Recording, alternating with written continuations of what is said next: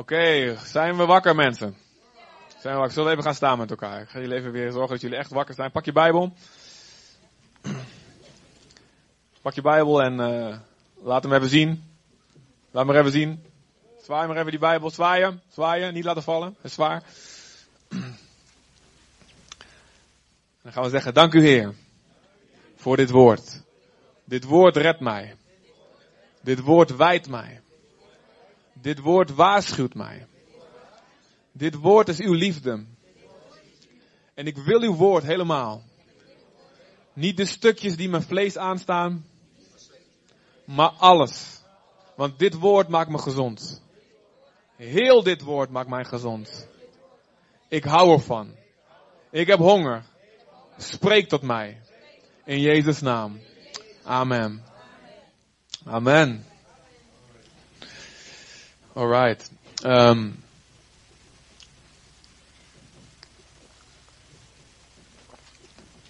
als jullie uh, een bladerbijbel hebben, mogen jullie vast uh, Lucas 16 opslaan. En um,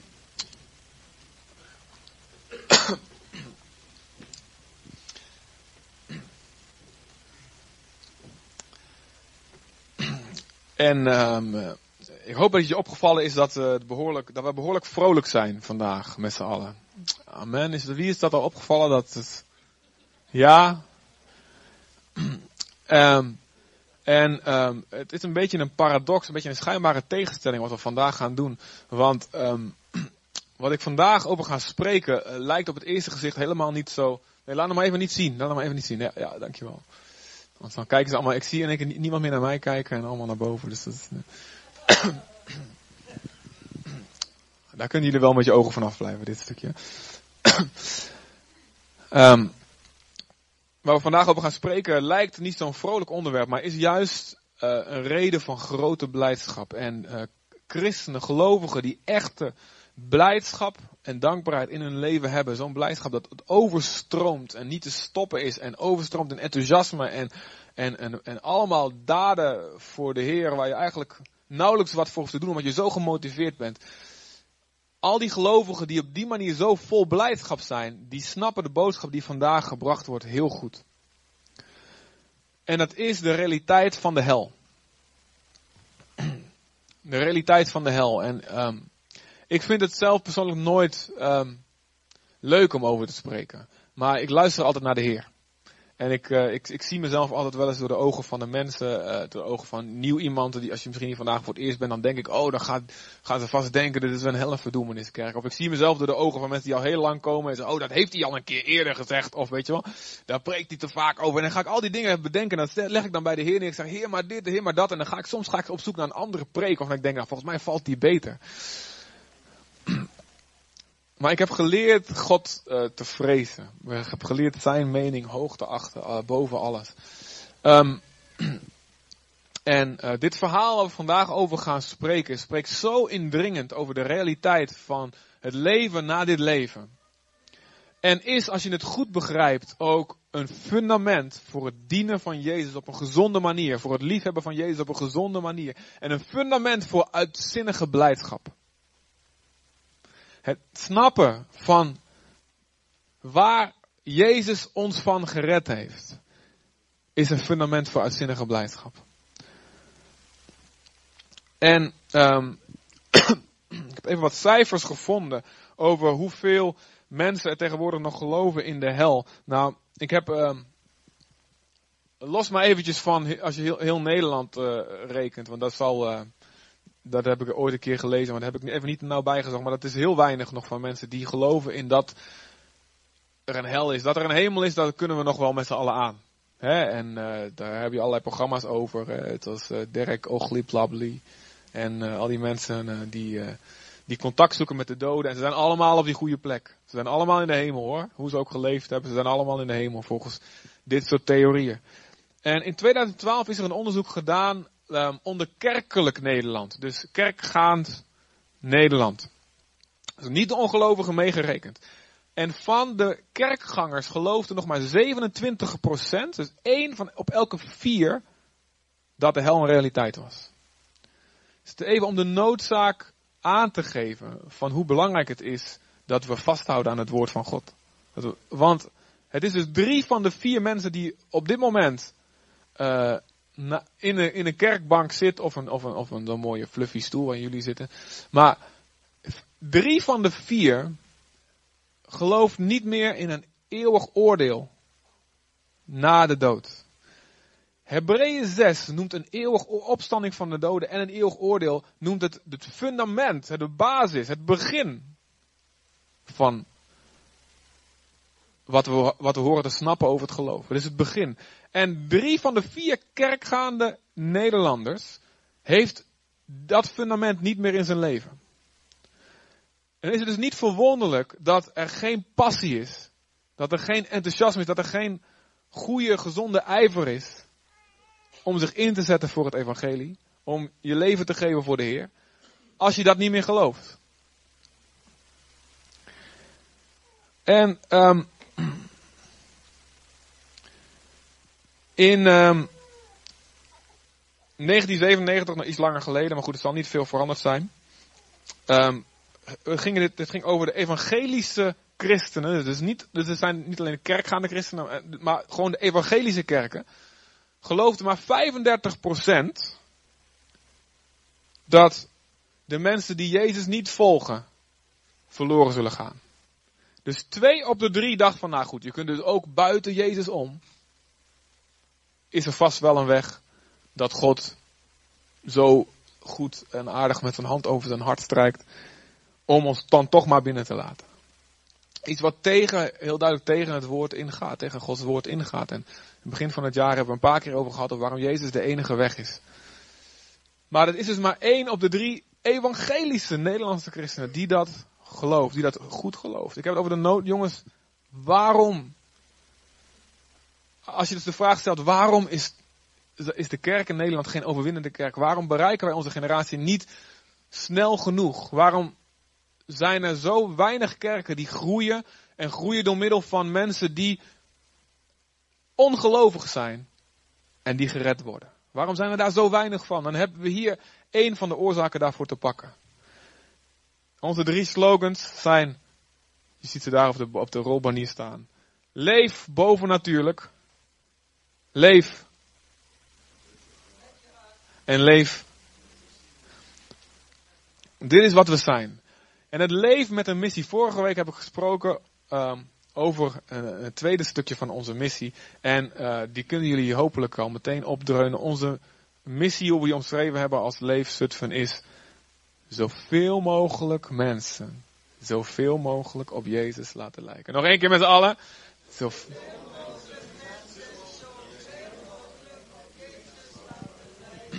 Alright, we hebben het gehad over op Jezus lijken. Hoe gebeurt dat dan? Nou, dat gebeurt dus door gewoon voortdurend ontmoetingen met Hem te hebben. Hem te zien en door Hem te zien te veranderen. Stukje voor stukje. Luister vorige week maar na als je hem gemist hebt. Dat is dus hoe dat gebeurt. En een ander woord, op Jezus lijken, wordt is gewoon een ander woord voor heiliging. Heiliging is een ander woord voor op Jezus gaan lijken.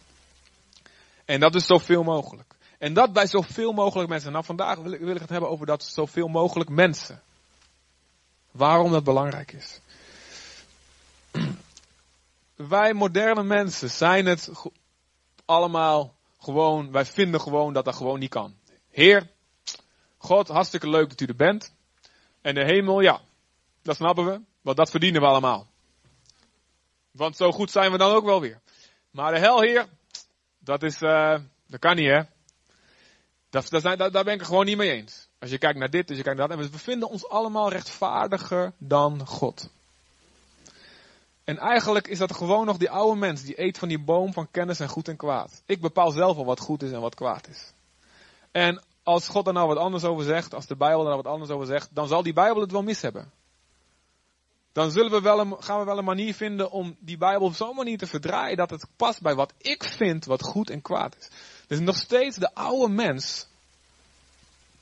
Dit is nog steeds de, de, de gevallen Adam, de gevallen Eva. Die zelf wil bepalen wat goed is. Die zelf God wil zijn. Want wij vinden allemaal dat het niet kan. En als je echt uh, als je met God leeft en als je van mensen houdt, dan vind je het eeuwig oordeel, het fundament van het eeuwig oordeel, vind je verschrikkelijk. Geloof me, je vindt het verschrikkelijk dat het zo is. Maar je weet ook, het, het is zo. En het moet zo zijn. En um, ik wil dus leren begrijpen waarom het zo is. En ik wil gaan leren denken zoals God. En ik wil niet dat Gods woord zich aanpast aan mij, maar dat ik me aanpas aan Gods woord. Ik wil geen God maken naar mijn beeld, maar ik wil dat God mij kan maken naar zijn beeld. En ook op het gebied van de hel, en wat zo'n vreselijk onderwerp is, is het belangrijk dat we tegen onszelf zeggen, dat onze geest met de Heilige Geest verbonden tegen onze oude mens in ons zegt, jij oude mens, hou op met het beter te willen weten dan God. En in plaats daarvan, ga leer denken, ook al snap je het nog niet helemaal, ook al begrijp je het niet helemaal, ook heb je een gevoel van hoe zit het met dit, hoe zit het met dat. Ga leren denken zoals God denkt. Het is belangrijk om te beginnen met een besef dat God rechtvaardiger is dan wij allemaal bij elkaar. Ons gevoel van rechtvaardigheid komt, hebben we alleen maar omdat we in dat stukje op Hem lijken. Dus wij zullen nooit rechtvaardiger zijn dan God. Dus wat het ook is. En als God zegt dat er een hel bestaat en dat die eeuwig duurt. Dan is dat rechtvaardig en klopt dat.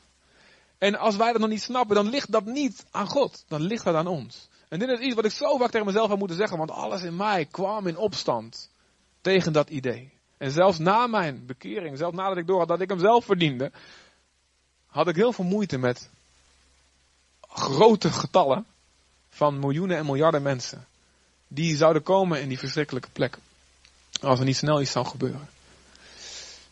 Maar op een gezonde manier erover denken zorgt er wel voor dat je gaat doen wat Jezus deed.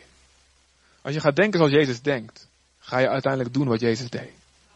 En als je gaat denken zoals Jezus denkt over de hel en spreken zoals Jezus spreekt over de hel, ga je uiteindelijk leven zoals Hij leeft.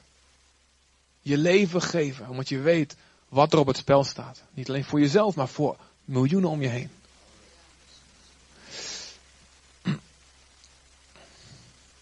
En in 2004 uh, ook, ook weer onder de evangelische christenen in Nederland. In 2004 geloofde 64%, is gelukkig nog wel een meerderheid, maar een, ook een grote minderheid die het dus niet geloofde. Geloofde nog maar 64% in dat de hel eeuwig was. Dus altijd doorgaat. En 1 op de 3 geloofde dus op een of andere manier niet dat het eeuwig was.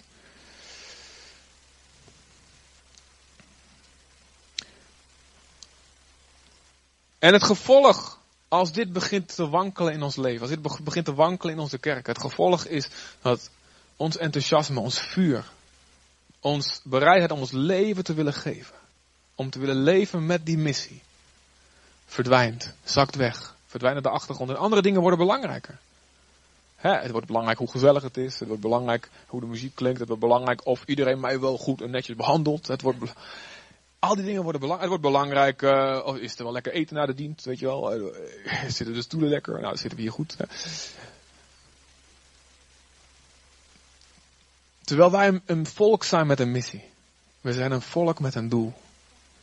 God heeft ons hier geplaatst om zijn, dat heb je het woord van vorige week, zijn heerlijkheid, zijn ware aard, zijn de, het volle gewicht van zijn karakter te laten zien door ons heen omdat hij van ons houdt en omdat hij van de mensen om ons heen houdt, wil hij ons gebruiken zoveel mogelijk mensen tot zich te trekken. Maar wij moeten hiervoor zo stevig verankerd zijn in dat fundament dat er een eeuwig oordeel is. 13% van alle 1870 versen uh, in de Bijbel die uitspraken van Jezus zijn, gaan over het oordeel of over de hel. En dus als het ware één op elke, elke acht zinnen die Jezus sprak, ging erover. Dus stel je hebt een gesprek, gaan, gaan één, op één op elke acht van onze zinnen over de hel.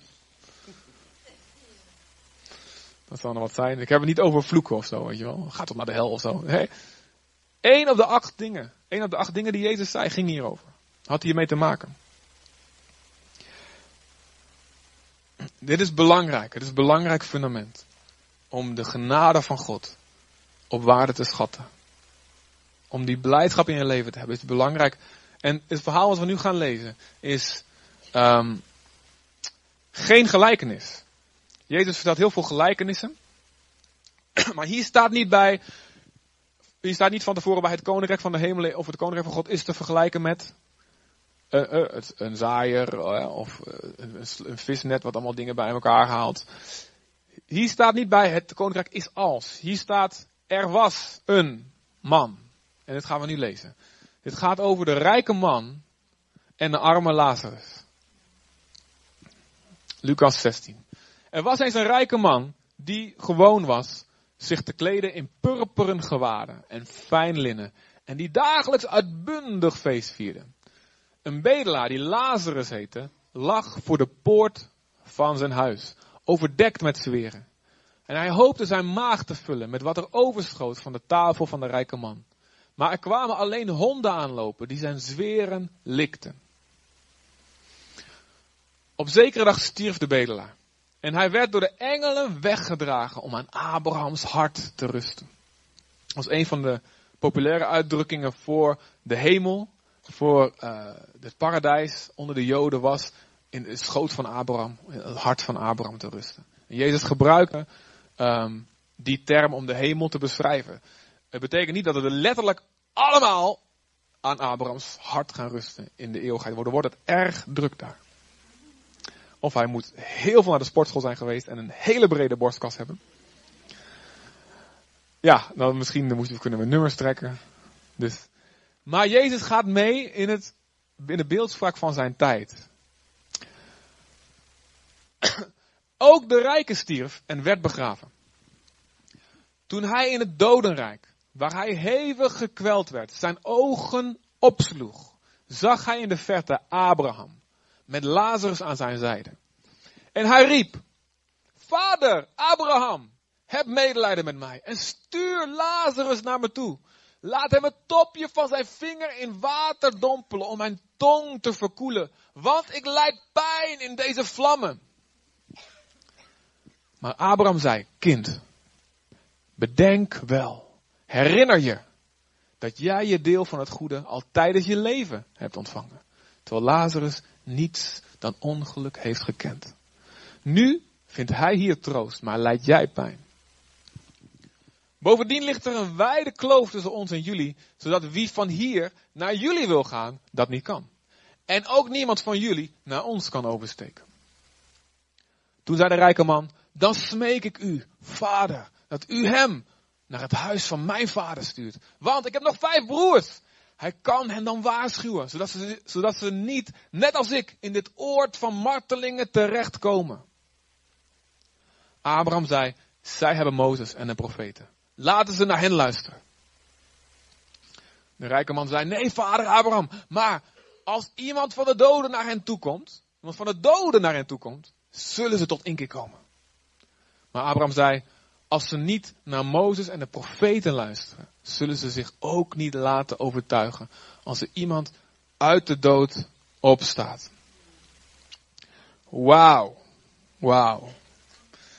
Ten eerste, heeft er ooit zo'n gesprek plaatsgevonden tussen een rijke man en Abraham? Waarschijnlijk niet. Waarschijnlijk niet. Maar Jezus zegt wel heel duidelijk, dit is de realiteit. En hij, het is geen gelijkenis, het is een beschrijving. En het is het vertalen van iets wat eeuwig is en iets wat op dit moment boven ons bevattingsvermogen ligt. Vertalen naar een taal die wij nu kunnen begrijpen. Zonder dat het een, iets alleen maar metaforisch van, nou ja, weet je wel, het, het is als, het is heel, dit is de plek waar, dit is een plek die heel reëel is. En Jezus zegt hier een aantal dingen. En we moeten daar even naar kijken. We moeten daar goed naar kijken. We zien ten eerste zien we daar die rijke man. die rijke man die kleedde zich in purperen kleren. En uh, wie heeft hier mooi, mooi paars aan vandaag? Nee hoor, goed. Hij, was, hij had het hartstikke goed. Dan komt meteen de eerste vraag naar boven. Ging hij gewoon naar de hel omdat hij rijk was? Is rijk zijn een zonde? Nee, absoluut niet. 1 Timotheüs 6 bijvoorbeeld zegt Paulus tegen de rijken. Joh, jullie rijken, jullie gaan automatisch naar de hel, zegt hij niet. Gelukkig niet. Hij zegt, joh, je moet wel gewaarschuwd zijn. Jezus heeft gezegd, het is voor een rijke net zo moeilijk om gered te worden dan als een, als een, kameel door het oog van een naald past. En iedereen zei van, wow, dat kan dus bijna niet, dat kan dus niet. Maar God, Jezus zei gelukkig meteen erbij, maar het is, bij God is het onmogelijke mogelijk. Dus het kan wel.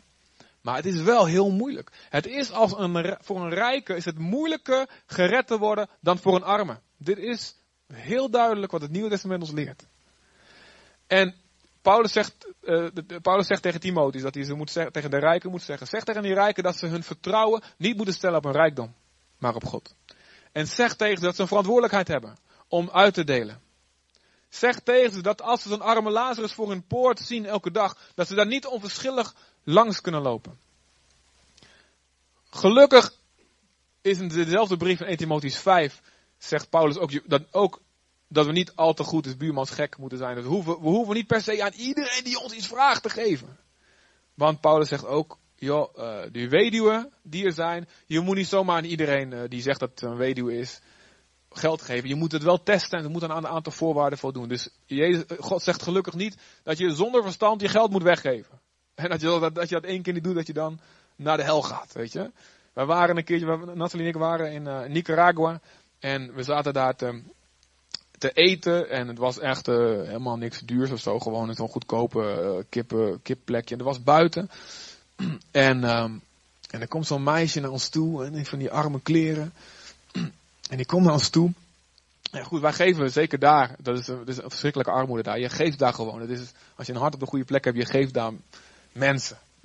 Maar er kwam een meisje naar ons toe en in Spaans en die zei, geef me, geef me geld, geef me geld. En, maar het was, het was, had zoiets van, dit klopt iets niet, weet je wel. Geef me jouw eten, zei ze toen. En wij voelden ons zo, ja, we zijn natuurlijk heel erg ja, we willen natuurlijk heel erg delen, maar we hadden iets van, dit, klopt, dit klopt niet. En toen zeiden we met pijn in ons hart, zeiden we van, nee, weet je, uh, we willen zoveel met jou praten, maar we, uh, we, we, geven je nou even niet. En die keek ons aan, en een meisje was een jaar of acht. En ze zei, tu eres mala. Jij bent zo slecht. Jij bent slecht. Weet je wel. En, en, later zagen we dat meisje en ander groep meisjes zagen we uh, het geld wat ze verzamelen, zagen we het geven aan hun vader. Die met een, met een grote uh, fles drank over straat liep. Het is natuurlijk verschrikkelijk voor die kinderen dat, ze, dat de ouders hen inzetten. Maar het laat wel zien, geef, maar geef met een wel met je verstand daarbij. En geef met je hart, maar laat je verstand niet uh, helemaal uitgeschakeld worden daarbij. Dus is het een zonde om rijk te zijn? Nee. Rijken kunnen gered worden. Het is wel veel moeilijker. En Jacobus 4 vers 17 zegt dat als wij iets goeds weten te doen en het is in onze macht en we doen het niet, dan is het ons tot zonde. En dat is een heel heftige tekst. En in, in Job zegt zelfs van, joh, als ik de armen die om me heen zijn, Job was een rijk man. Hij had veel. Maar als ik de armen niet had geholpen, dan, dan had men, laat mijn arm dan maar afvallen, zegt hij dan. Zo heftig was hij, spreekt hij daarover. Dus heb je veel, dan heb je een verplichting om te geven. En deze rijke man liep elke dag langs deze Lazarus. En hij leefde overdadig. En hij had honden zagen we ook. Dus hij zorgde waarschijnlijk hartstikke goed voor zijn honden. Maar een mens, naar Gods beeld geschapen, die aan zijn poort lag, daar, daar liep hij langs. En weet je, dit is de kant waar we trouwens, de, waar deze wereld al behoorlijk opgegaan is. Dat we beter aan het zorgen zijn voor de dieren dan voor de honden. We hebben een partij voor de dieren, maar we hebben geen partij voor de ongeboren baby's. En we maken ons zorgen over over, over, over hoe varkens, uh, en geloof me, dat is dus belangrijk. Ik vind het ook, de Bijbel zegt, een rechtvaardige die let goed, die zorgt goed voor zijn kudde, die zorgt goed voor zijn dieren. Is belangrijk. Maar voorbij gaan aan de noden van mensen om ons heen. Maar vervolgens wel ons verschrikkelijk druk maken over hoe het gaat met de kippen en met, uh, en, uh, en, ja, en de kikkers wel goed kunnen kwaken en de vogels die wel goed kunnen broeden. En niet een, of andere grote conferentie die boel verstoort. Dat, vind ik gewoon, dat is gewoon hypocriet. Dat is huigelarij. En deze rijke man. Zijn geweten, God sprak tot zijn geweten. God sprak waarschijnlijk, hij luisterde naar Mozes en naar de profeten. En luister, geloof me, Deuteronomium en Exodus is, is het vol. is vol met aansporingen te zorgen voor de armen. Jezaja, Jeremia, wee hun die huis aan huis aan elkaar voegen. En die veel meer, grond op grond uh, aanschaffen totdat jullie de enige zijn die nog grond bezitten in jouw gebied. Terwijl er mensen zijn die zich moeten verkopen. Wee jullie, Jezaja was heel duidelijk over Mozes en de profeten. Deze rijke man had ze, dus hij wist het. Dus, en dan hebben we deze, deze arme man, die erbij is. Nou, toch nog even een tekst over die rijken. Jacobus 5, vers 1 tot 6. En nu iets voor u, rijken. Weeklaag en jammer om de rampspoed die over jullie komt. Dus Jacobus begint hier de rijken aan te spreken. Niet, niet om hun te zeggen, dit is wat er met je gaat gebeuren en er is geen verlossing. Maar het is om ze tot inkeer te laten komen. Hij zegt hij, uw rijkdom is verrot.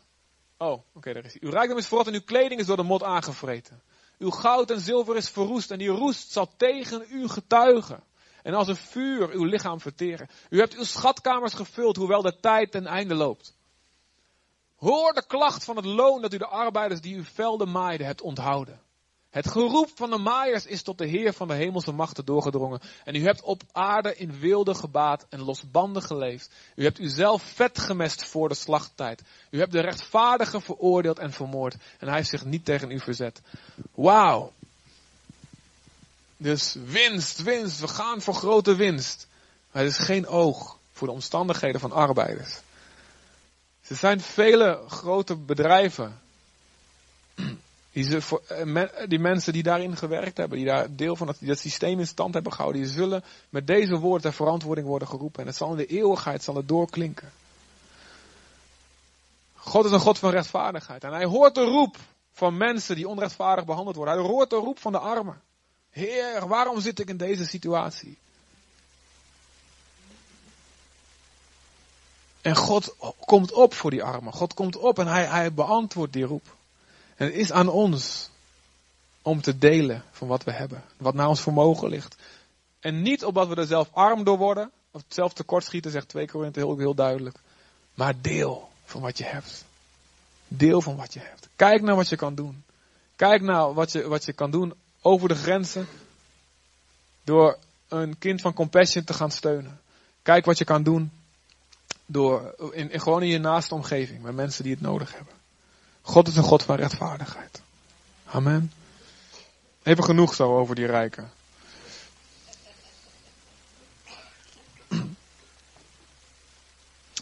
En je ziet dat hij zorgeloos leefde. Hij had een geweldig leven. En Abraham, in dit verhaal, zegt tegen die rijke man: Weet je nog? Herinner je goed. Je hebt goed geleefd. En jouw goede tijd is geweest aan de andere kant aan de vorige kant van de eeuwigheid. En hij heeft niks dan ellende gekend. En nu is het andersom. En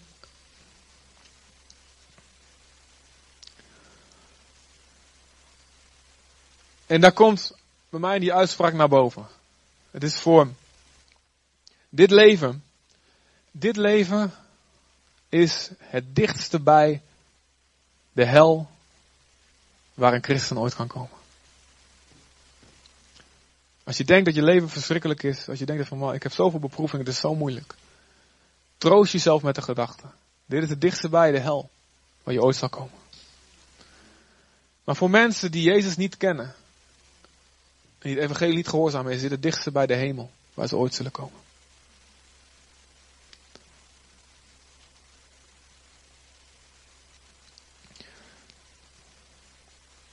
Dus je ziet hier dat hij zijn ogen opslaat in het dodenrijk.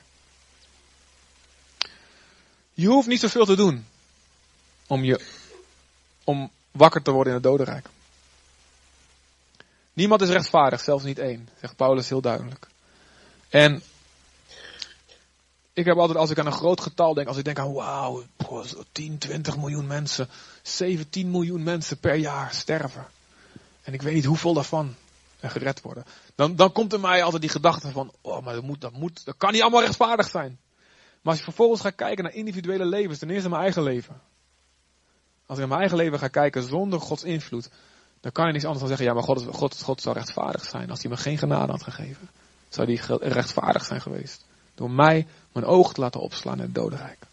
En dan kan ik hele specifieke voorbeelden noemen die de Heilige Geest in mijn gedachten legt. En dit is waarom jij het niet verdient. En waarom jij alleen op grond van Jezus genade en op grond van zijn rechtvaardigheid gered kan worden. En zo zal het gelden voor ieders leven. En als wij mensen, mijn oma zei altijd, je kijkt ze wel op de kop, maar je kijkt je niet in de krop. Of ik weet niet hoe dat kan, maar goed, eh, ik ben niet zo goed in dat plaat uh, ja. Dat doe ik maar niet. dus door ik het maar net, oh niet, oh niet daar, ja, Hengelo, oké. maar um, ieders leven, als we naar ieders leven gaan kijken, dan zullen we zien uiteindelijk, maar God heeft gelijk. En het is echt alleen op grond van de genade. Op grond van genade. Dat we gered kunnen worden. Door te leven zonder jezelf weg te geven. Voor anderen. En voor jezelf te leven. Is genoeg nalatigheid. Om het zonde te laten zijn. Door zorgeloos te leven terwijl anderen om je heen lijden. Jezelf ervoor af te sluiten. Jezus zegt gewoon door iemand een dwaas te noemen zul je voor het helfvuur komen te staan. Matthäus 5 vers 22. Domkop. Idioot. Hoe makkelijk komt dat niet over onze lippen? En Jezus zegt, dit is het, het doden van mensen met onze woorden. Je doodt een ziel daarmee. Je doodt het potentieel, je doodt iemands eigenwaarde, iemands zelfbeeld. Door ten onrechte boos te zijn op je broeder. Boos zijn mag terecht boos. God is ook terecht boos. Maar ten onrechte boos zijn. Vanuit je eigen gekwetstheid. Ook daarvoor zul je verantwoording moeten afleggen. Hier, heb je. Voor het gerecht. En zelfs, zelfs die man, weet je nog, die man van de, van de talenten. Als je het verhaal kent van die, die gasten die al die talenten kregen. En iedereen die handelde ermee. Maar eentje stopte het in de grond. En zelfs die moest naar de buitenste duisternis gestuurd worden. Matthäus 25 vers 30. Wauw. Wauw.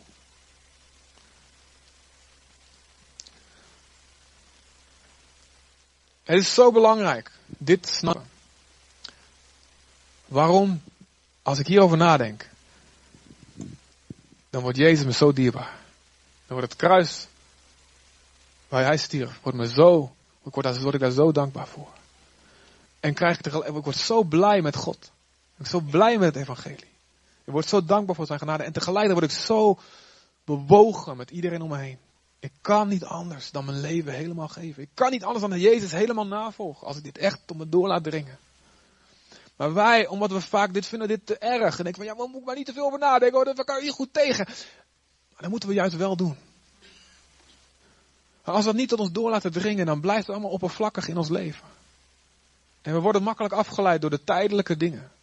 Terwijl we en we worden jaloers op mensen die het maken in dit leven, die bekend zijn en die, die, die reality shows hebben en die, die bakken geld verdienen met niks doen. Gewoon bekend zijn omdat ze bekend oh, dat wil ik ook. Oh, leuk man. Oh, die heeft een eigen leuk, eigen leuk huis, een leuke auto. Die heeft het voor elkaar. Die heeft een lekker gezinnetje. Die heeft het allemaal. Oh, dat wil ik ook. Maar we vergeten dat aan de andere kant van de eeuwigheid, die rijke man, martelingen van het dodenrijk wachten. De martelingen van de hel wachten. En als je dat vergeet, dan ga je, weet je wat, ik hoef Jezus niet zo te volgen. Ik kan ook, ga ook een beetje met mijn ellebogen werken om hoger op te komen. Ik ga ook een beetje een grote mond opzetten. En voor het weet, voor je het weet volg je die, hun in een verkeerde weg. Daarom waarschuwt de Bijbel op Psalm 37 en andere plekken. Wees niet jaloers op de goddelozen. Als je ziet dat het goed met ze gaat. Want God stelt ze op glibberige plaatsen en einde zal verschrikkelijk zijn. de hel. Nou, wat we in dit verhaal lezen, is hij sloeg zijn ogen op. Oftewel, hij wordt op een of andere manier wakker. Nou, hoe dat gaat, of hij de reis van deze wereld naar de volgende wereld, of hij dat bewust meemaakt, hoe dat gaat, dat, dat zegt Jezus er allemaal niet bij. En als je er even goed technisch naar gaat kijken, dan uh, Wilkin, heeft het, Wilkin van der Kamp heeft het heel goed uitgelegd. Er komt binnenkort trouwens weer uh, spreken. Hebben het heel goed, heel goed uitgelegd technisch gezien is er nu nog niemand in de hel, maar is, is er een dodenrijk en er is daar een, een lichte kant en een duistere kant. En uiteindelijk, als Jezus terugkomt, dan komt er een rijk van duizend jaar vrede En, en, en, voor die duizend jaar zullen alle christenen, alle heiligen zullen opstaan. En na die duizend jaar wordt Satan weer voor korte tijd losgelaten. Komt er nog een grote eindoorlog um, waar niet zoveel woorden over vuil gemaakt worden in openbaring, maar een paar zinnetjes. Omdat het nog heel ver in de toekomst ligt. En dan zullen uiteindelijk alle doden van alle tijden opstaan en voor, en, voor de troon van God komen te staan. En uiteindelijk dan zal zelfs de dodenrijk in de hel gegooid worden. Goed, dat is heel interessant, allemaal een heel technisch verhaal. Ga ik nou niet veel over hebben. Ik wil het gewoon eventjes uh, laten zien. Maar goed, op een of andere manier komt er een moment dat de, de onrechtvaardige, ieder die zonder Jezus leeft, wakker wordt in deze plek. En wat hier belangrijk is, is om te zien dat de hel is een plek waar we dus bewust zijn. Er is daar bewustzijn. Hoe zal dat gaan? Hoe werkt dat? Is dat alleen een geest? Zeg maar een iets zonder materie wat daar rondzweeft? Of is dat ook een lichaam? Nou, ik kan het niet begrijpen en geloof me, ik ben e- echt een wetenschappelijke dude, weet je wel. Ik weet niet hoe dat zit. Want het gaat boven mijn verstand. Maar de Bijbel zegt heel duidelijk dat het met een soort van, met een of ander lichaam zal zijn. Een fysiek lichaam dus. En ja, Matthäus 5 vers 29 zegt Jezus bijvoorbeeld als je rechter ook je oogje op de verkeerde weg brengt, ruk het dan uit en werp het weg. Want je kunt beter één van je lichaamsdelen verliezen dan heel je lichaam in de Gehenna geworpen worden. Matthäus 10 vers 28 zegt Jezus, wees niet bang voor hen die wel het lichaam, maar niet de ziel kunnen doden. Wees liever bang voor hem die in staat is en ziel en lichaam om te laten komen in de Gehenna. Hoe is dat dan? Nou, de Corinthiërs stelden die vraag ook aan Paulus en Paulus vergeleek het in 1 Korinther 15 vers 35 tot 38 vergeleek hij het met het, de verhouding tussen een zaadje en een boom. Het lichaam wat we, wat we nu hebben is als een zaadje. Het is als een graankorrel. Het is als, het is nog niet het echte spul. Nou, dat is ons lichaam wat we nu hebben, zegt hij. Wat er in de opstanding op zal staan, dat is het echte spul wat wakker wordt. Dus de verhouding tussen het lichaam nu en ons opstandingslichaam is als de verhouding tussen een zaadje of een graankorrel en een boom of een plant. Het is een lichaam, maar het is iets boven ons voorstellingsvermogen. Maar het is een lichaam. Er zal een andere beleving zijn van tijd en ruimte. Want God, God zal zeggen, weet je wel, de hele hemel, eh, alle sterren en alles wat je kan zien met die space shuttles en, en hoe heet dat ding wat nou de zonnestelsel uitgevlogen is. Alles wat je kan zien met die telescopen, alles zal weg zijn. Het zal opgerold worden als een boekrol. Het zal helemaal anders zijn. Een andere beleving van tijd en ruimte en daarom ook, het is eeuwigheid. Zal het zijn nog steeds met seconden, weken, maanden? Ik denk het niet, ik weet het niet. Geen idee. Maar het zal heel reëel zijn. En je ziet daar wat hij daar zegt. Joh, ik leid vreselijk pijn in deze vlammen. Zegt de rijke. Wat is dat voor een pijn? Nou, Jezus beschrijft dit. En je ziet, Jezus doet echt niet zijn best om het een beetje te verzachten, weet je wel. Hij, elke keer als hij het over heeft, maakt hij het alleen maar, lijkt het alsof hij het alleen maar verschrikkelijker maakt. Jezus houdt van ons. En Jezus weet een zachte heelmeester maakt stinkende wonden. Als ik het een beetje ja, ga verzachten, want ik ja, zielig, weet je wel. Cassian, zielig, doe maar niet zo erg. Jezus weet, daar red ik ze niet mee. Ik hou van deze mensen. Ik geef mijn leven. Ik, ga mijn, ik ben nu mijn leven aan het geven. Door het leven wat ik nu leid. En straks ga ik mijn leven geven aan het kruis. En ook door het spreken van deze woorden gaf hij zijn leven. Omdat hij mensen waarschuwde. En hij zei dingen zoals, dat is een plek waar je de worm, die, die je van je eet nooit sterft. Het houdt nooit op. Het is een plek waar het vuur nooit uitgaat. Het is een eeuwig vuur wat eigenlijk voor de duivel en voor zijn engelen bereid is. Het is buitenste duisternis. Dus dat is gek. Er is, er is wel vuur, maar het vuur geeft dus geen licht. En is het letterlijk vuur? Wie weet, ik weet het niet. Maar de werking ervan is hetzelfde als vuur. En tegelijkertijd zal het duisternis zijn. En er zal daar gehuil zijn. En zal daar tanden geknarst zijn. Van spijt en van boosheid en bitterheid. Want die zonde is niet uit het hart van de mensen. En Romeinen 2 vers 9 zegt het zo, verdrukking en benauwdheid. Verdrukking en benauwdheid zullen komen over de ziel van ieder mens die het kwade teweeg brengt. Eerst over de Jood en ook over de Griek. 2 Thessalonicense 1 vers 9 noemt het zo. Het is een eeuwig verderf. Weg, ver weg van de aanwezigheid van de Heer en van de heerlijkheid van zijn macht. Openbaring 20 noemt het een poel van vuur, wat brandt van vuur en zwavel. Het is niet een plek waar de duivels je zit te prikken met zo'n satéstokje en zo. Hehe, ah, ik heb je te pakken, weet je wel. De duivel zelf. Het is een plek waar de duivel zelf geoordeeld wordt. En de duivel is niet de baas van de hel. Hij is zelf degene die ook, die net zo hard lijdt. Hard, hardste van iedereen.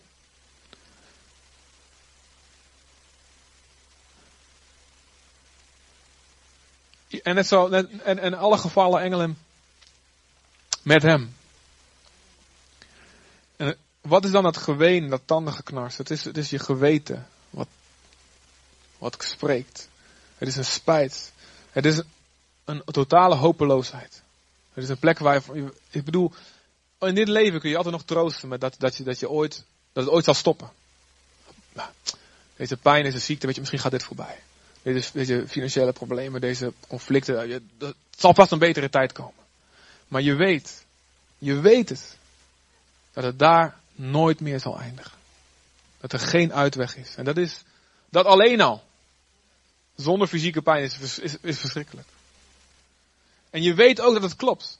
Je weet dat het rechtvaardig is. Je weet dat je niet een grote mond kan opzetten. En je doet het wel, maar ja, je bent niet gerecht. Je, bent, je karakter is, nog, is, niet. Is nog steeds als hier op de aarde. De volheid ervan zal openbaar worden. Het is dus niet lekker feesten en zuipen, weet je wel. Nou, als je wel, samen lekker naar de hel gaan, weet je wel. Ach ja, ik wil die hemel, die saaie boontjes, weet je wel, met die soepjurken en zo. En een beetje harpen spelen bijvoorbeeld. Weet je wel, waar gaan we lekker naar de hel, kunnen we lekker zuipen, lekker doorfeesten. Zo is het dus niet.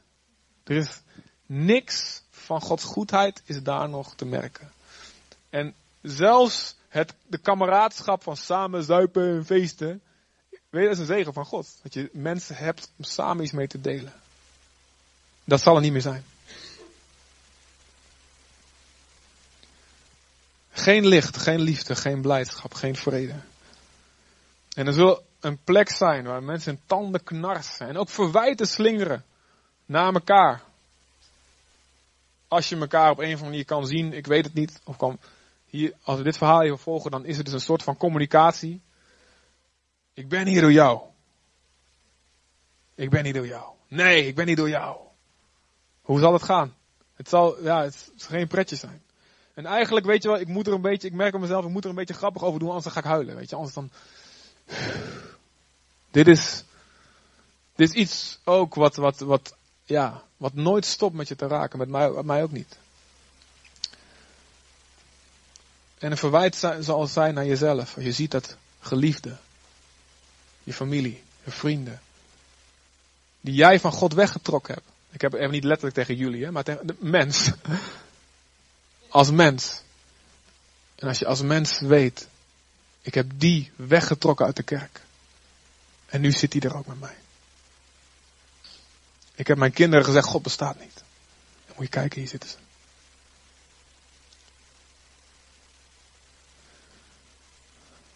En Marcus 14, vers 21 zegt Jezus over Judas. Weet je, het, is het zou beter zijn voor die mens als hij niet geboren was. En zo zal het zijn. En Hebreeën 10, vers 30 en 31 noemt het vreselijk of huiveringwekkend om te vallen in de handen van de levende God.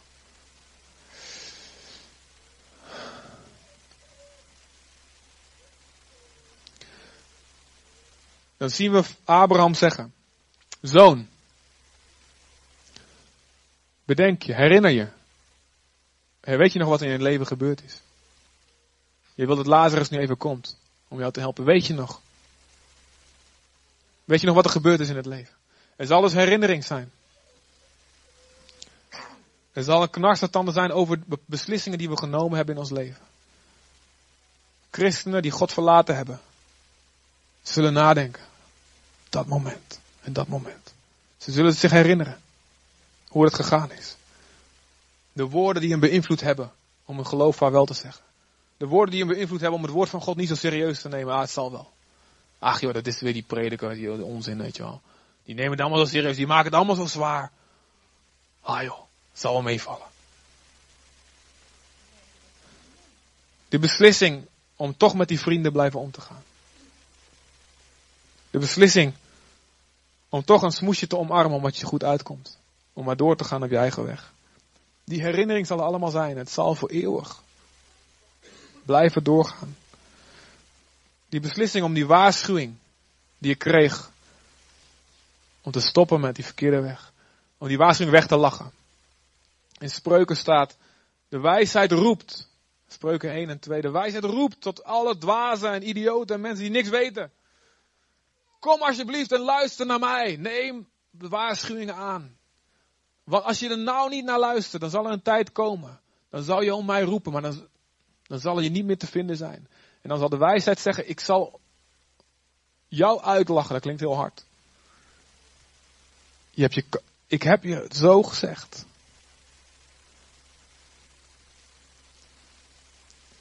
De beslissing om die vraag die, die als ongelovige, als atheïst, of als ietsist, of wat dan ook is. Die vraag die hier naar boven komt, zou er een God bestaan? Zou er toch iets waar zijn? Om die maar weg te lachen. Om je maar af te laten leiden. Weet je wat? Zou een God zijn? Ah, boeien, weet je wel. Voetbal op tv vanavond. Weet je wel. Boeien, biertje, weet je wel. Hey. Om je af te laten leiden door je werken, door geld, door succes. Door je laten benevelen. Door drank. Door populariteit. De herinnering. Om niet verder te onderzoeken. Of de profeet waarin jij geloofde wel een ware profeet was. Als God tot je geweten sprak. Over Mohammed, over Boeddha, over Krishna. Of welke God je ook volgt. Je hebt het niet onderzocht. Je hebt van, nou goed.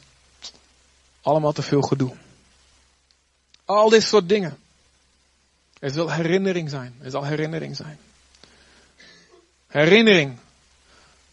Om te denken van, nou weet je wat, ik ben ooit een keer naar voren gegaan in de dienst. En ik heb ooit een keer in mijn leven, ik ben ooit gedoopt. En ach ja, later, goed. Ik heb het een beetje laten zitten, maar God die zal het allemaal wel, uh, weet je wel. Ik heb toch een briefje gehaald. Ik heb toch uh, dat water gehad, dat zal wel goed zitten. Die keuzes om daarin te blijven geloven. Om te denken van, nou, het zal allemaal wel meevallen. Herinnering aan al die gemiste kansen, aan alle bespotten van de boodschappers die God op je pad heeft gestuurd. Al die preken, al die gesprekken, alle momenten waar je niks mee gedaan hebt. Mensen, er is herinnering daar, in die plek. En je ziet daar dat overstappen te laat is. Overstappen te laat is. Het zit alsof je in een trein zit. En je hoort, je dacht die, dat hij dat die lekker terug naar, uh, naar het oosten ging. Dan zit je ergens in Amersfoort. Dan blijkt hij toch naar Leeuwarden of Groningen te gaan of wat dan ook. En dan kom je erachter. Heb je er wat gehad, weet je wel? Deze trein gaat naar Leeuwarden. Wat? Oh, dan kun je nog snel je boel pakken. Dan kun je nog overstaan. Maar als je, als je dan blijft zitten, nou weet je wat. Het zal wel meevallen. De Groningen, ach ja, lijkt ook een beetje op uh, Zutphen. Het zal wel, weet je wel. Daar kun je nog uiteindelijk ooit een keer thuiskomen. Weet je, dat overstappen is te laat. Na dit leven. Dit is de dag van het heil. Dit is de dag van de verlossing, zegt God. Dit leven.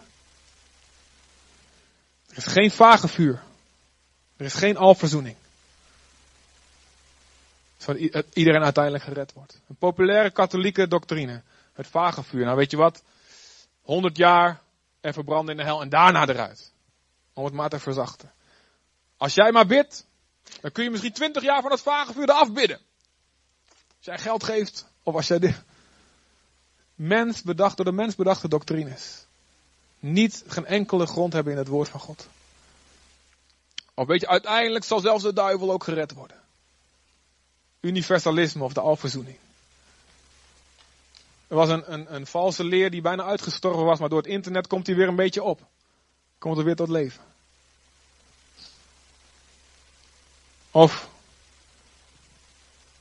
nou weet je wat, dan zal het uiteindelijk wel gewoon een vernietiging zijn. Weet je, wel. je hoort het oordeel aan bij de grote troon en oké, dan ben je er gewoon, je bent nergens meer bewust van. Het zou lekker makkelijk zijn. Ook voor deze rijke man. Maar zie, deze rijke man wordt wakker. Wordt wakker. En de rechtvaardigheid van God is heel duidelijk. Hij houdt op een gegeven moment op met protesteren als Abraham terugspreekt. Herinner je nog, dit is gebeurd, je hebt je, hebt je goede deel al gehad. Hij weet het gewoon. En het zal een rechtvaardige plek zijn. En daarin moet gezegd worden, en dat moeten we altijd zeggen, als we ook met ongelovigen spreken over de hel, en dat moeten we doen. We moeten ze dat niet achterhouden. Misschien niet meteen als je je gesprek aanknoopt. Weet de hel, de hel, weet je wel. Nee, oké. Maar als je in gesprek komt met ongelovigen. Het hoort bij een gezonde evangelieverkondiging. Paulus, denk aan handelingen 26. Paulus moet zijn beste preek geven. Want de invloedrijkste man, die gouverneur, die staat voor zijn neus. En waar spreekt hij over? Het oordeel. Hij houdt het, en Jezus net zo goed. Het hoort erbij. We kunnen niet alleen zeggen, ja, je, je, moet, je moet gaan geloven, want Jezus wil, God wil een relatie met je. Ja, dat is waar, maar het is meer dan dat. Hij wil je redden. Waarvan redden? En dan moeten we spreken. We moeten spreken. Maar we moeten daarbij altijd spreken dat er een verschil Om de rechtvaardigheid van God tot zijn recht te laten komen, dat moeten we voor onszelf goed beseffen. Er zal wel een verschil zijn in oordeel. Er zal een verschil zijn.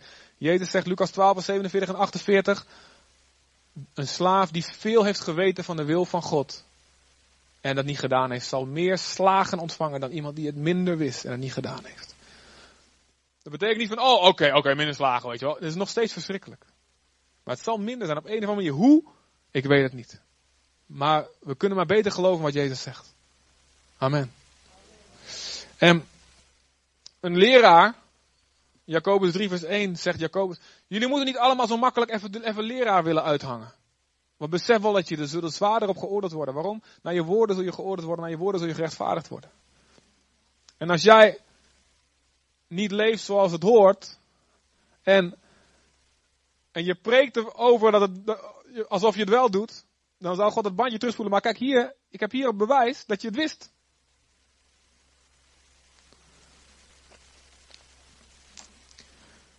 Dat zijn mensen die een zwaarder oordeel zullen ontvangen, zegt Jacobus daar. En anderen die ook een zwaarder oordeel zullen ontvangen zijn ex-christenen. Kijk eens naar 2 Petrus 2, vers 18 tot 22.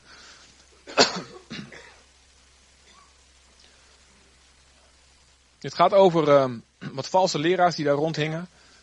Um, met loos gebral en schaamteloze uitspattingen verleiden die valse leraars Hen die zich nog maar net hebben losgemaakt van degene die dwalen. Ze beloven vrijheid, maar zijn zelf slaven van het verderf. Want waar men door beheerst is, daarvan is men slaaf. En als zij, die zich door hun kennis van onze Heer en de redder Jezus Christus hebben losgemaakt van het vuil van de wereld, als ze die mensen, die zich hebben losgemaakt van het vuil, daar weer in verstrikt raken en er opnieuw door worden beheerst, zijn ze er erger aan toe dan voorheen. Het was beter voor hen geweest de weg van de gerechtvaardigheid nooit gekend te hebben, dan die weg wel te kennen en zich vervolgens af te wenden van het heilige gebod dat hen is overgeleverd. Dus hier zie je, het is beter voor hen. Het was beter geweest als ze nooit die weg op waren gegaan. Dan die weg op gaan en dan met die kennis zich af te keren. En ook in Romeinen 2, vers 3 en 6 zie je dat een andere, iets wat, wat de hel zwaarder zal maken, is als je meer zegen, meer goedheid hebt gekregen in je leven. Daardoor stapel je, als het ware, de boosheid van God op. Door heel veel genade en goedheid te krijgen en er niks mee te doen.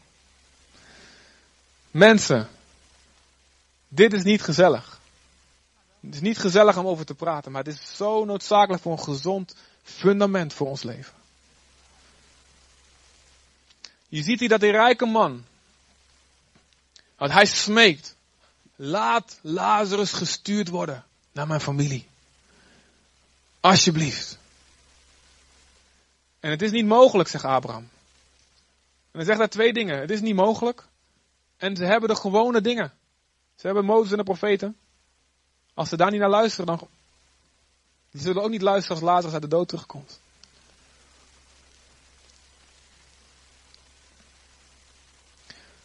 En dit is iets wat zo indringend is. Weet je, er zitten mensen.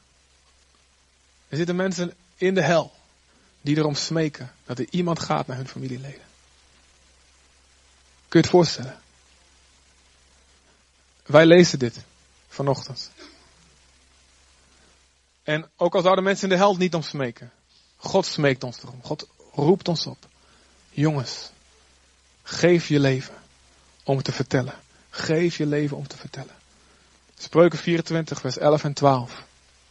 Zegt God dit. Bevrijd hen die ter dood veroordeeld zijn. En doe alles om hun leven te redden. Zeg niet, ik wist het niet. Want hij die de harten doorgrondt en het innerlijk doorziet, weet of je de waarheid spreekt. En hij vergeldt elk mens naar zijn daden. Wauw. Wauw. Er wordt gesmeekt, alsjeblieft, ga naar mijn familie. We horen deze stem door, via Jezus horen wij die stem uit de hel tot ons komen.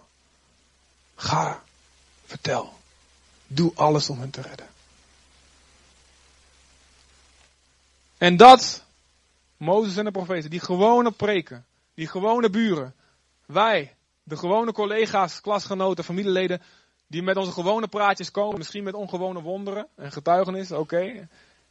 Dat is Gods manier om mensen te redden. Niet Lazarus of een rijke man die terugkomt met nog roken naar de hel. Je moet alsjeblieft. Wij zijn het. Jij en ik. Jij en ik. Ik zat van de week bij judo. Mijn Jeremy zit erop. En ik zat daar, moest daar een uurtje wachten. Soms ga ik even wat dingen doen. Of, uh, ik moest even een uurtje wachten en Soraya was mee. Die zat een spelletje te spelen. Op de iPad natuurlijk. en um, ik zat een boek te lezen. Kerk wordt wakker heet het boek. Heel grote kerk op, weet je wel. Heel grote letters. Kerk wordt wakker. Dan schreeuwige letters, uitroeptekens erachter. Ik zit daar dus bij de judo in, in de, in sportpalace. Dus dat hier, weet dat? Sportpalace. Daar zit er, wie van jullie zit bij het sportpalace? Ja? Ik zit daar in die bar, weet je wel. Ik zit dat te lezen. En ik dacht bij mezelf van ja, kerk wordt wakker is een beetje, ja, een beetje heftige titel, zeg maar hier. En allemaal andere ouders zaten ook te wachten op hun kinderen te kletsen. En ik, ik, weet, ik weet dat ik zo deed, ik deed een boek zo naar beneden. Oké, ja, het is een beetje raar natuurlijk die titel. Hè. Maar iets in mij en achteraf, zo kan ik mooi zeggen, was de Heilige Geest. Doe dat boek weer omhoog. Schaam je niet, oké. Kerk wordt wakker, stond heel groot. Dus ik lees weet je wel, nou best. En, en dat ging ook over evangelisatie, heel stuk, weet je wel. Je moet niet bang zijn. Ik dacht, oh, ja, inderdaad, stom. En toen tijdens het lezen van het boek, had ik zoiets van, zat, er voor mij zaten twee uh, dames uh, met hun rug naar mij toe te praten. Um, en ze zaten met elkaar te praten, heel gesprek en zo. En ik, ik, kon niet alles horen wat over ging, dat was niet mijn, mijn, mijn business, zeg maar. Maar ik hoorde, was wel behoorlijk persoonlijk. En ik kreeg het gevoel van, ik, ik moet met die dames praten. Ja, met hun moet ik praten over het evangelie. Maar ik dacht bij mezelf van, nou, ze zijn zo onbeleefd om een keer in te breken. Ze zijn zo in gesprek en zo, weet je wel, dat doe je niet. Dus ik dacht, nou, ik lees maar lekker door. Op een gegeven moment moest Saraya naar de wc.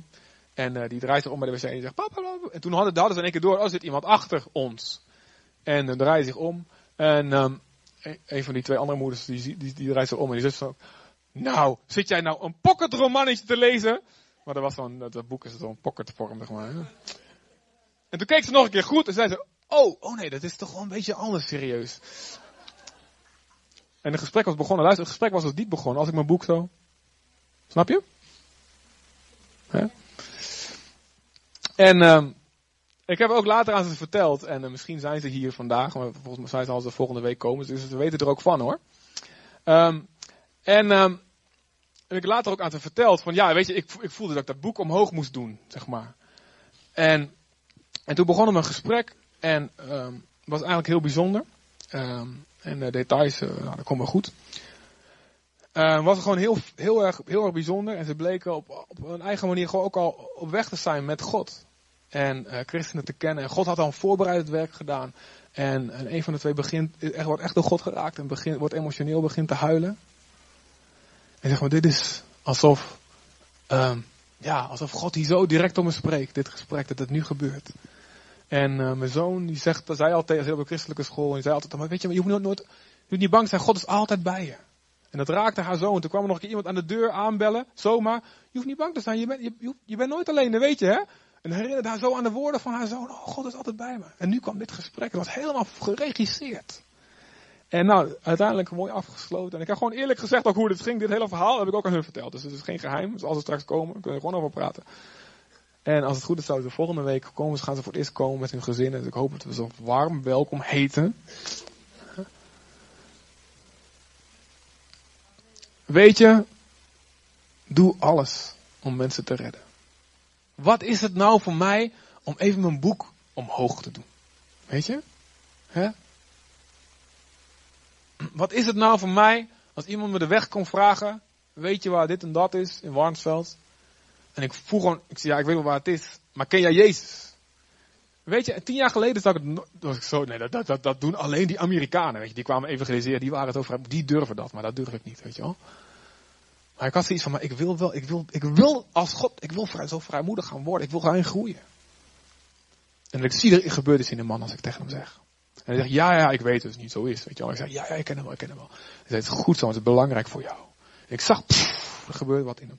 Wat kost mij dat nou? Als ik denk aan die rijke man. Als ik denk aan die roep van die rijke man en zegt, alsjeblieft ga naar mijn familie.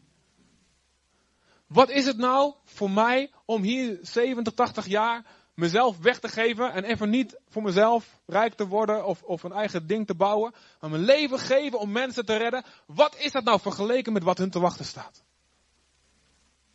En dit is exact wat Jezus dacht. Wat is dit kruis nou? Ik verdraag dit, want ik weet wat er gaat gebeuren. Mensen gaan gered worden. Jij en ik, wij die hier zitten, zitten daarom wat Jezus zei. Kan mij dan nou schelen? Ik ik, ik voel die pijn wel. Ik voel alles. Ik ben onverdoofd geslacht. Ik voel alles, maar ik doe dat, want zij moeten gered worden.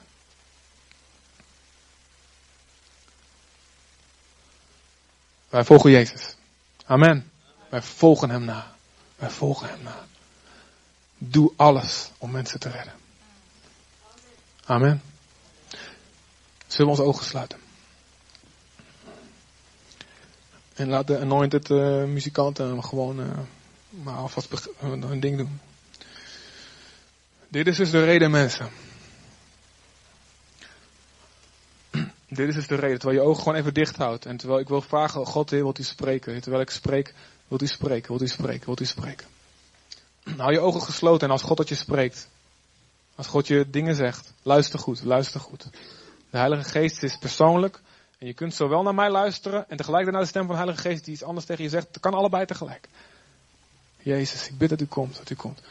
Dit is dus de reden waarom ik elke week zeg, wees nou gastvrij voor die nieuwe mensen. Het zit niet zomaar gewoon een tik, weet je wel. Is, er zit een motivatie achter. Wij zijn degene die mensen kunnen redden van een eeuwige marteling. God heeft ons gewone kerkje in een gewone provinciestad gekozen als middel. Jouw gewone woorden, jouw alledaagse ontmoetingen.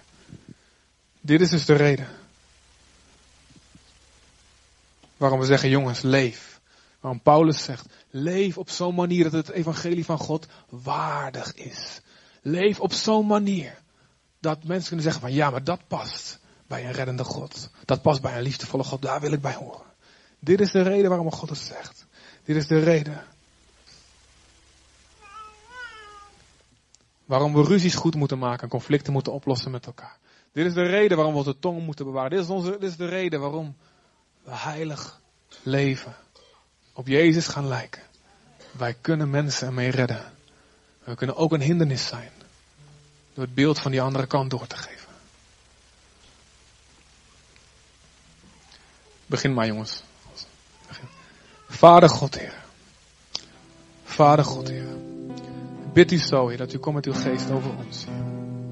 God, geef ons bewogenheid, geef ons een vol besef, Heer, van de eeuwigheid. Geef ons uw hart, Heer, voor mensen die verloren gaan. U zegt, u wil niet dat er één iemand verloren gaat. 2 Petrus 2, vers 9, 7.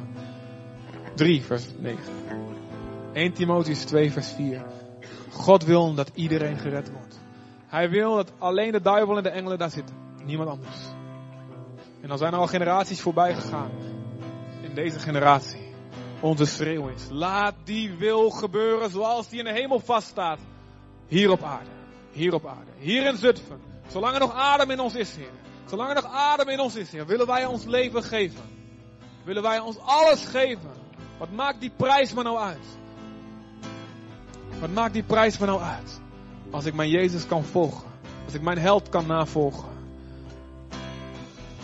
Door mijn dood. Door mijn sterven elke dag. Sterven mijn eigen verlangens. Aan mijn eigen comfort. Mijn eigen tijdsindeling. Mijn eigen grenzen aangeven.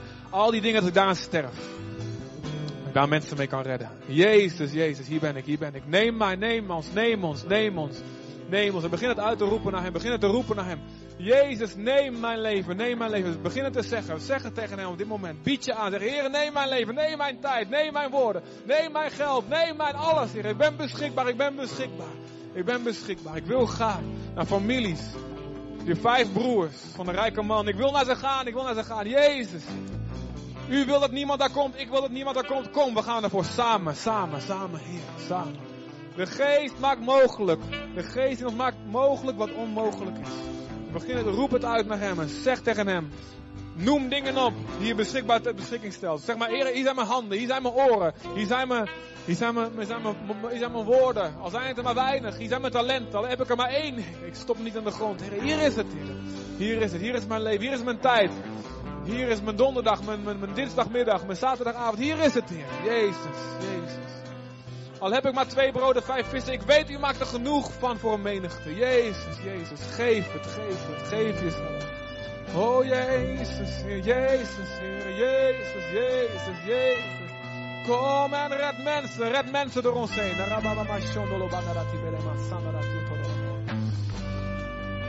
God is hier met bovennatuurlijke kracht voor ieder die wil uitgaan om getuige te zijn. Bovennatuurlijke kracht, dus strek je uit naar Hem.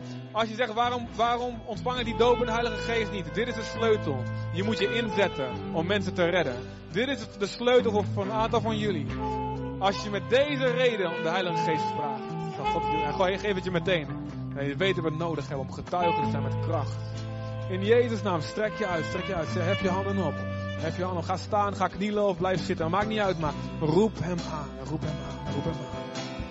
Ora mama masanda latina ne mashilemendere bai. Jezus, Jezus, Jezus. Oh Jezus, Jezus. Sikinda la bai bishilemende latile mendere sahinda latile. Konda la taile mendere sahindere mashura makimba la sonno no mandi. Jezus, Jezus. Jezus,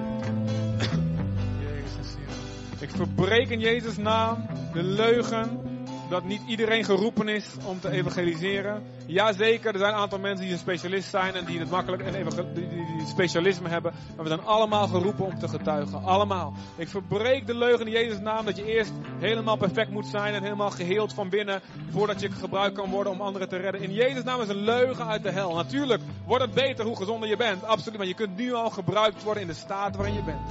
In Jezus' naam, in Jezus' naam. Dank u, Vader. Dank u, Vader. Dank u, Vader. Dank u, Vader. Ik bid u, Vader, speciaal voor mensen die gewoon, die het al vaker gehoord hebben, die een beetje moede van worden. Zoiets van, nou, heb je weer zo'n verhaal, dan weer schuldig worden. In Jezus' naam. Ik bid u, Vader, dat u komt, dat u doorbreekt, Vader. Dat u spreekt, dat u uw hart, uw zachte hart laat zien. Uw zachte hart laat zien. Het is heel pastoraal om te evangeliseren. Heel herderlijk om te doen. In Jezus' naam, in Jezus' naam. Bola mama ma Dank u.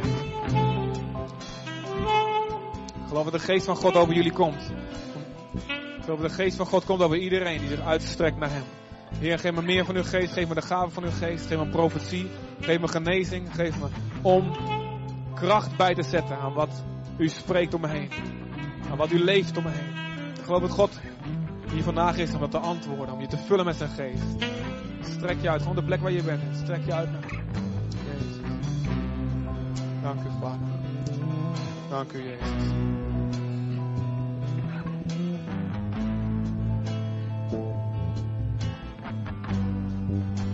Jezus.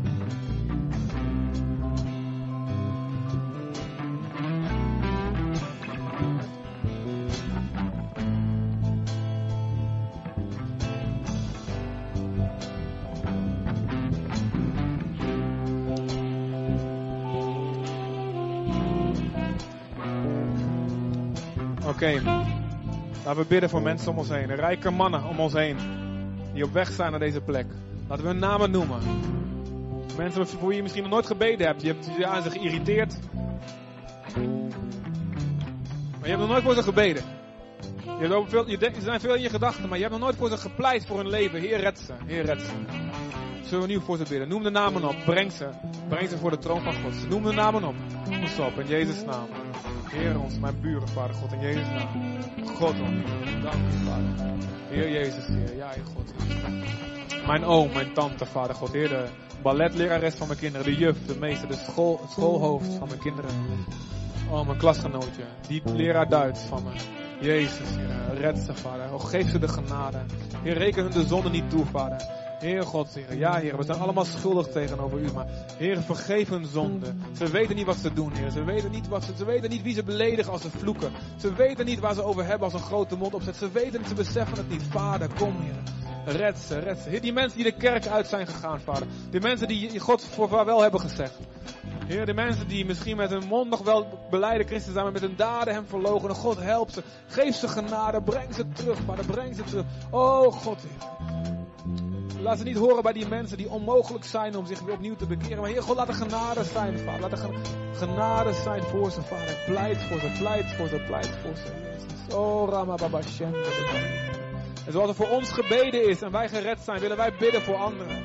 Willen wij, zoals we mensen ons gedeeld hebben, het evangelie gedeeld hebben. Zoals 40% van ons hier vandaag uit de wereld dat geloof gekomen is. Heer, doe er nog weer 40% bij. Kom, Heer. Kom, Heer. We willen een rivier zijn die doorgeeft en niet alleen maar ontvangt. En een ongezonde, stinkende poel wordt. Jezus. Oh, la. Amen. Weet je, onze gebeden zijn gehoord. Je gebeden zijn gehoord. Als je denkt, wat maakt één zo'n klein gebedje nou uit voor die buurman? God hoort het, God hoort het. En God bewaart ze. God bewaart die gebeden. En zelfs nadat je dood bent, zijn die gebeden nog steeds geldig. Mooi of niet? Alright, als laatste. Als laatste. Als laatste. Galaten 5. Vanaf vers 13. Hoef niet op het scherm, ik lees het wel voor. Want jullie zijn tot vrijheid geroepen, broeders. Alleen niet tot die vrijheid die aanleiding geeft aan het vlees. Maar dien elkaar door de liefde. Want de hele wet wordt in één woord vervuld, namelijk hierin. Je zal je naaste lief hebben als jezelf. Maar als je elkaar bijt en verslindt, pas dan op dat je niet door elkaar verteerd wordt. Maar ik zeg, wandel door de geest.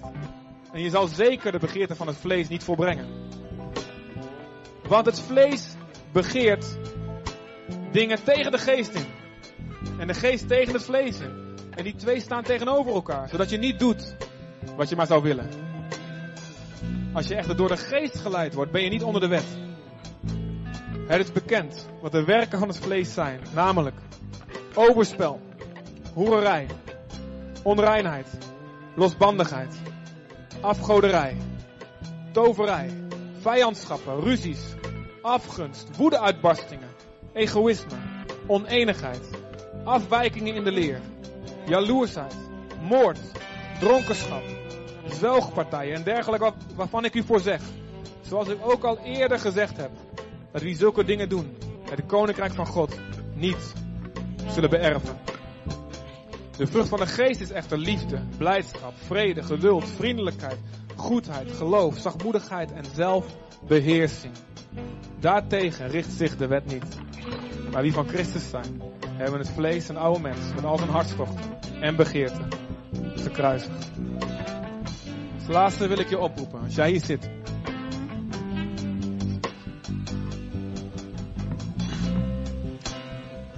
Als je een stelletje bent, je bent niet getrouwd je gaat met elkaar naar bed.